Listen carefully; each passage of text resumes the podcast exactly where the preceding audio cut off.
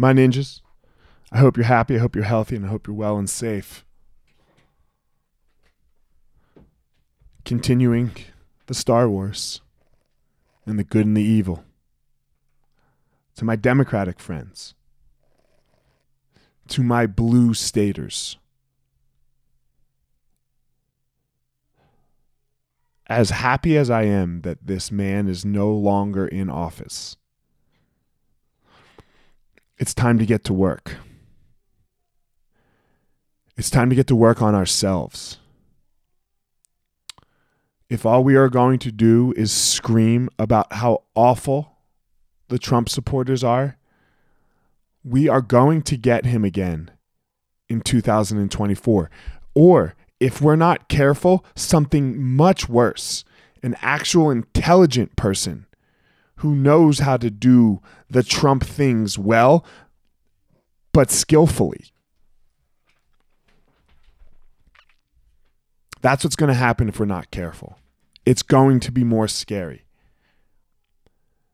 Now, when I say we have to work on ourselves, this cancel culture has to go away. It has to. This woke movement has to stop. You're not fucking woke.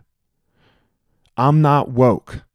I'm just a dude walking through the world trying to be a little more skillful. There's no such thing as woke. Two weeks ago, or last week, I don't know, two weeks ago, when I had my Montana episode and I posted about she's not just a pretty face.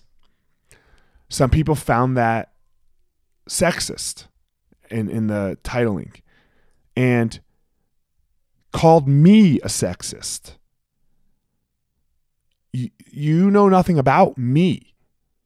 Very little. Um I'm not a sexist. Could that comment, could I make a sexist comment? Could I make a sexist mistake? Very possibly. That's on the table. But that doesn't mean I am that. That's that's not how this works. People make mistakes. They have to be able to say sorry and recover from them. Now, if you continue to make the mistake, that's a different story, but that's not what we're doing. We have no room for recovery in our party. We are asking for someone to be perfect, and that's exactly how we got the piece of shit that is Donald Trump.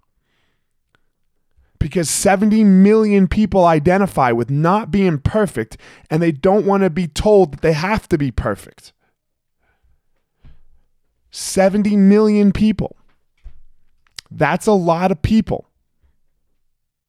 We have to listen to what their needs are.